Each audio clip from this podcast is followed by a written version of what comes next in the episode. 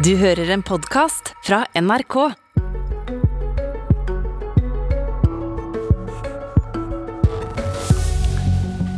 Klimaforhandlerne har reist hjem fra Glasgow med noe i kofferten, sier klimaminister Espen Barth Eide. Det er vil jeg si, kanskje tidenes største og viktigste hjemmelekse, og alle må levere. Men hvordan skal vi tolke den heimeleksa? Slik Frp gjør, at vi nå må satse på norsk gass, slik at vi faktisk får ned bruken av kål i verden? Eller slik SV gjør, nå må vi bruke milliarder på utslippskutt og øke CO2-avgift. SV setter seg nemlig ved forhandlingsbordet for å diskutere statsbudsjett med regjeringa i dag. Og siden det er et politisk ordtak at alt henger sammen med alt, så skal vi i dette politiske kvarteret undersøke sammenhengen mellom klimamøtet i Glasgow og forhandlingene i et møterom på Stortinget. Vi har med oss SVs finanspolitiske talsperson Kari Elisabeth Kaski, mens Frp-leder Sylvi Listhaug skal få utfordre. La oss begynne med overskrifta, Kaski. Hva krav mener du Glasgow-møtet stiller til neste års statsbudsjett?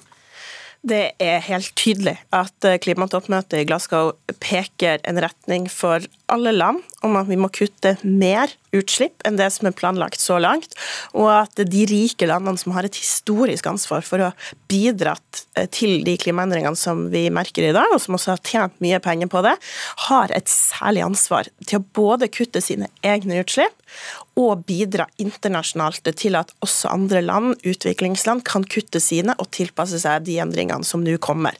Og Det forplikter oss i Norge på å ikke bare sette utslippsmål sånn som vi har gjort nå, men å faktisk levere hvert eneste år på en mer offensiv klimapolitikk. Og Helt konkret så betyr det at den budsjettavtalen som SV, Arbeiderpartiet og Senterpartiet skal få på plass i høst, som jeg har ambisjon om, den må ha mer utslippskutt enn det som lå i Erna Solberg sitt budsjett. Ja. Det var jo et tydelig krav.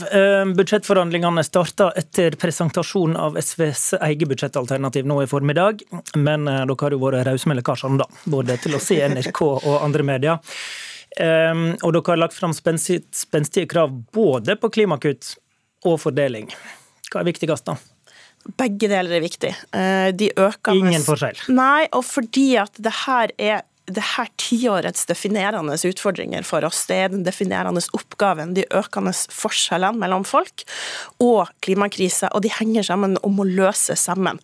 Og det er kommer til uttrykk i både at klimaendringene rammer grunnleggende urettferdig, det treffer de som har bidratt minst til de endringene aller hardest. Det kommer til uttrykk ved at hvis vi ikke fører en kombinasjon av kraftig omfordelingspolitikk og kraftig klimapolitikk, så er det de med dårligst råd som kommer til å betale prisen Men på klimapolitikken. Men det kan jo hende du må gjøre et valg. Takker du nei til en milliard til gratis SFO, som er et av kravene, hvis du ikke får et budsjett som tar oss nærmere 1,5-gradersmålet, som du nevnte nå? Ja, for SV så er vi helt tydelige. Utslippene må ned, og forskjellene i okay, Norge må ned. Så da kan du ofre noen fordelingspunkter? Og, og, derfor så mener vi at det her må henge sammen. Det, det, de problemene, de krisene som vi står overfor, de henger så tett sammen, og de må løses sammen.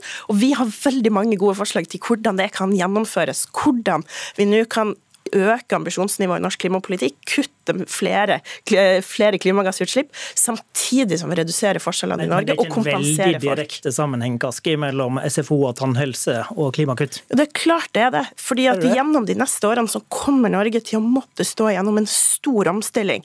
Og for at vi skal få med oss folk på den store omstillinga der, som kommer til å innebære endringer både for næringsliv og for privatpersoners liv, så må vi sørge for at vi har med oss folk. De må ha en trygghet på at de kommer bedre ut av det på den andre sida. De må få mer penger å rutte med, de må se at velferden bygges ut, de må se at lokalsamfunnene deres blir bedre steder å bo i. Og Det må kombineres med den offensive klimapolitikken.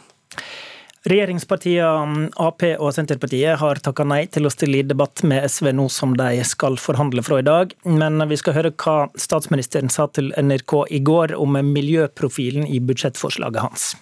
Altså dette, det, budsjettforslaget vi har lagt fram, det er, blir det vedtatt, så er det det grønneste budsjettet Stortinget har vedtatt noen gang.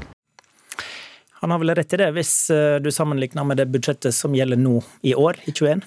Ja, og jeg må ærlig innrømme at jeg, øh, synes ikke at det i seg sjøl på en måte Eh, det er ikke tilstrekkelig, fordi det er en selvfølge. Hvert eneste budsjett som vedtas fremover på Stortinget, er nødt til å være mer ambisiøst på klima enn det forrige budsjettet.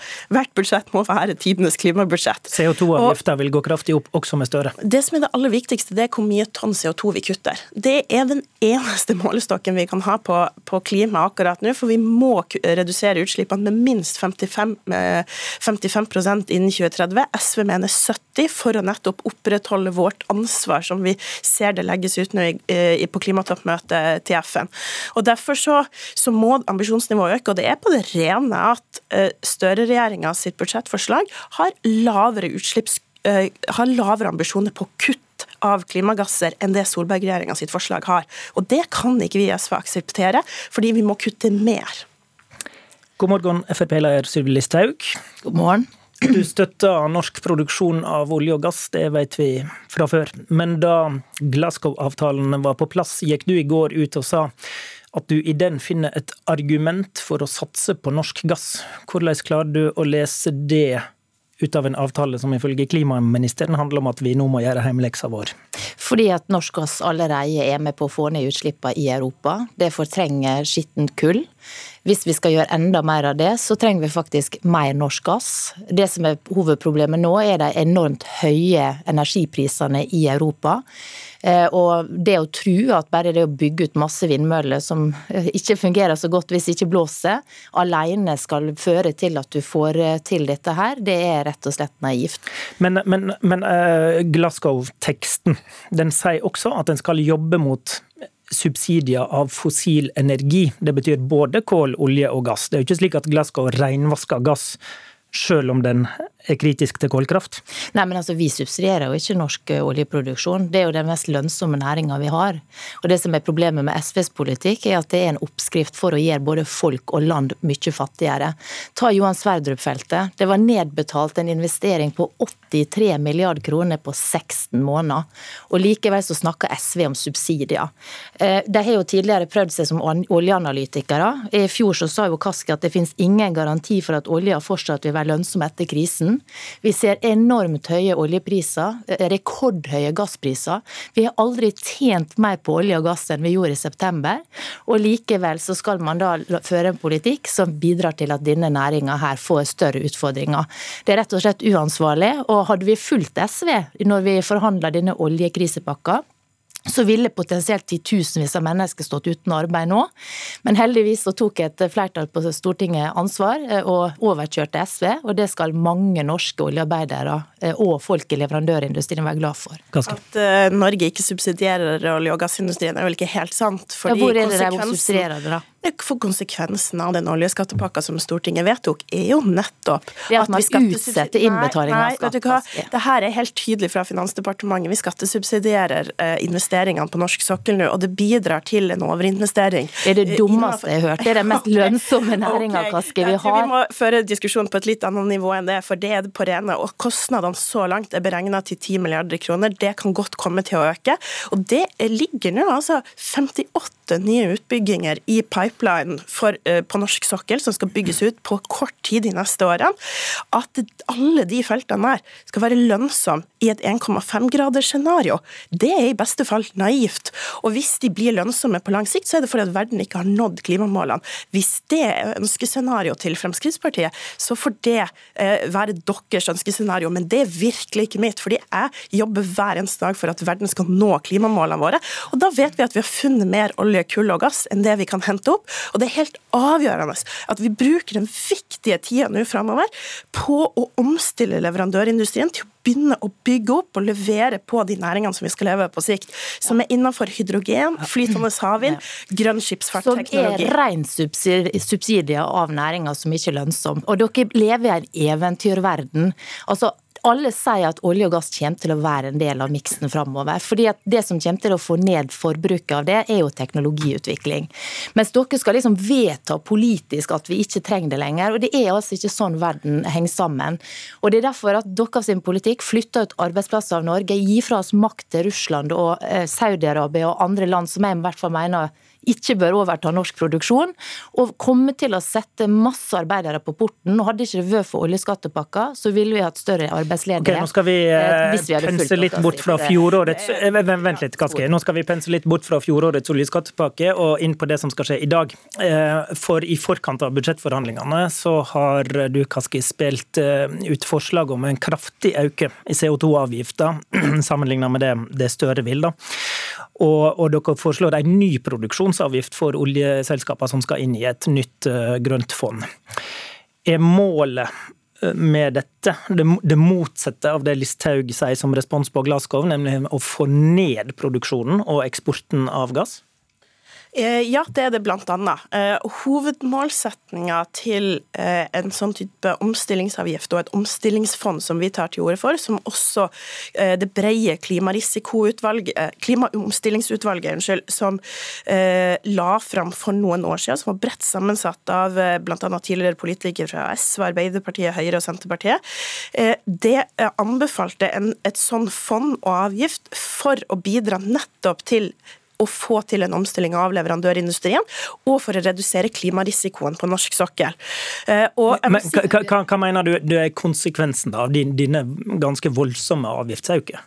Det er for det første mener jeg en ganske forsiktig avgift, og helt klart noe som oljeindustrien i lys av nettopp de høye olje- og gassprisene som vi ser i dag, helt fint kan tåle. Og det må jo være et enormt paradoks for Fremskrittspartiet. Jo da, men det er jo både, både, et øyeblikk, det er jo både dette du snakker om nå, og så er det en, en ganske kraftig økning i CO2-avgiften. Så til sammen snakker vi vel om ganske mye her? Ja, og det skulle bare mangle, fordi at øka på CO2-avgifta som ligger i budsjettet i dag, er jo mye høyere prosentvis for folk flest enn for oljeindustrien. Oljeindustrien er enormt lønnsom akkurat nå høye oljepriser i kombinasjon med en ekstremt lukrativ oljeskattepakke vedtatt for, for kort tid siden, da jo Fremskrittspartiet nettopp eh, brukte den lave oljeprisen som et argument for å skru til subsidiene og, og, og, og stimuleringa i skattesystemet. Nå er oljeprisen enormt høy. Den tåler den avgifta okay. for å bidra til en nødvendig omstilling. Listhaug, Frp har vært mot forslaget om å øke CO2-avgifta i det hele tatt. Eh, hva mener du effekten vil være av SVs forslag? Altså Den næringa som hun i fjor mente ikke kom til å være lønnsom lenger, er tydeligvis nå så lønnsom at man skal eh, ta ut enda mer penger. En næring som betaler 78% skatt, er med i en kvotepliktig sektor, pluss har CO2-avgifta på toppen av det. Men det verste med økning av CO2-avgifta er jo at det tenker... fører til at vanlige folk får dyrere bensin og diesel, for det vil bety at avgiftene øker enda mer. Men tenker du at forslaget faktisk vil ramme produksjonen, da? Ja, det kan det jo selvfølgelig. Men det som er det verste her, er jo at Senterpartiet og Arbeiderpartiet har også gått til valg på at det ikke f.eks. man skal øke disse diesel- og bensinavgiftene. Det har de allerede gjort. Og så skal de sette seg ned med Kaski, og, og, og skattenivået skulle ligge fast. Det er jo ingen som tror på eventyr. Det kommer til å gå opp. Og de som kommer til å svi, det er helt vanlige folk som nå får økte matvarepriser, økte diesel- og bensinpriser, økte strømpriser og en økende rente, som kommer til å gjøre store utfordringer, eller gir store utfordringer for mange private Politikken din treffer vanlige folk, Kaski? For det første så har jeg alltid snakka om oljeindustrien på lang sikt, og det er det vi er nødt til å måle det opp mot. I fjor så sa du at det ikke kom til å bli lønnsomt i år, Ja, det er helt nei, feil, Kaski. Nei, det har jeg faktisk aldri sagt. Det her knytter seg til investeringene på lang sikt, og det er det som er det essensielle her. Uh, du sa for ett år siden at det finnes ingen garanti for at oljen fortsatt vil være lønnsom etter krisen. Ja, og det er jo nettopp det vi ser nå, at framskrivningene på olje- og gassprisene fortsatt viser at de skal gå ned i møte med de klimamålene. Det er helt reelt. Hvis vi når 1,5-gradersmålet, så kommer olje- og gassprisen til å falle. Da vil ikke de marginale oljefeltene som du vil subsidiere for å bygge ut i Barentshavet, bli lønnsomme for det norske fellesskapet. Og så til eh, vår, skatt, vår skatte- og avgiftspolitikk totalt sett. Vi øker miljøavgiftene. Det er vi helt nødt til å gjøre hvis vi skal klare å nå klimamålene. Men vi kompenserer mye mer enn det Fremskrittspartiet noen gang har gjort. Med vårt skatte- og avgiftsopplegg så får folk folk større skattekutt enn det dere har levert hvert eneste okay. år dere har sittet med finansministeren. Bare strømprisene kommer til å ja, eh, Vi begynner ikke på, vi begynner ikke på strømmen nå. nå eh, et siste spørsmål. Unnskyld. Hallo. FRP, nei, eh, Regjeringa sitt budsjettforslag slipper ut 1,5 til 2 millioner tonn mer fram til 2031 hvis Solbergs forslag hadde blitt stående. Grunnen er skjerming av bilister fra CO2-avgiftsøkningen. Til slutt, Listhaug. Tenker du at da med din tankegang at Støre sitt budsjettforslag er bedre enn Solberg sitt på dette punktet? Ja, faktisk. Selv om det dessverre er økninger her også, så burde vi fjerne det. Men dessverre så har de jo sørga for at kjøp av biler, hybridbiler f.eks., er mye høyere. Det rammer folk i distriktene, ikke minst i Finnmark. Da tok vi eh, og det er veldig synd, på en annen debatt. det straffer bilistene. Da avslutter vi, så takker vi Sylvi Listhaug og Kari Elisabeth Kaski. Du har hørt en podkast fra NRK. De nyeste episodene hører du først i appen NRK Radio.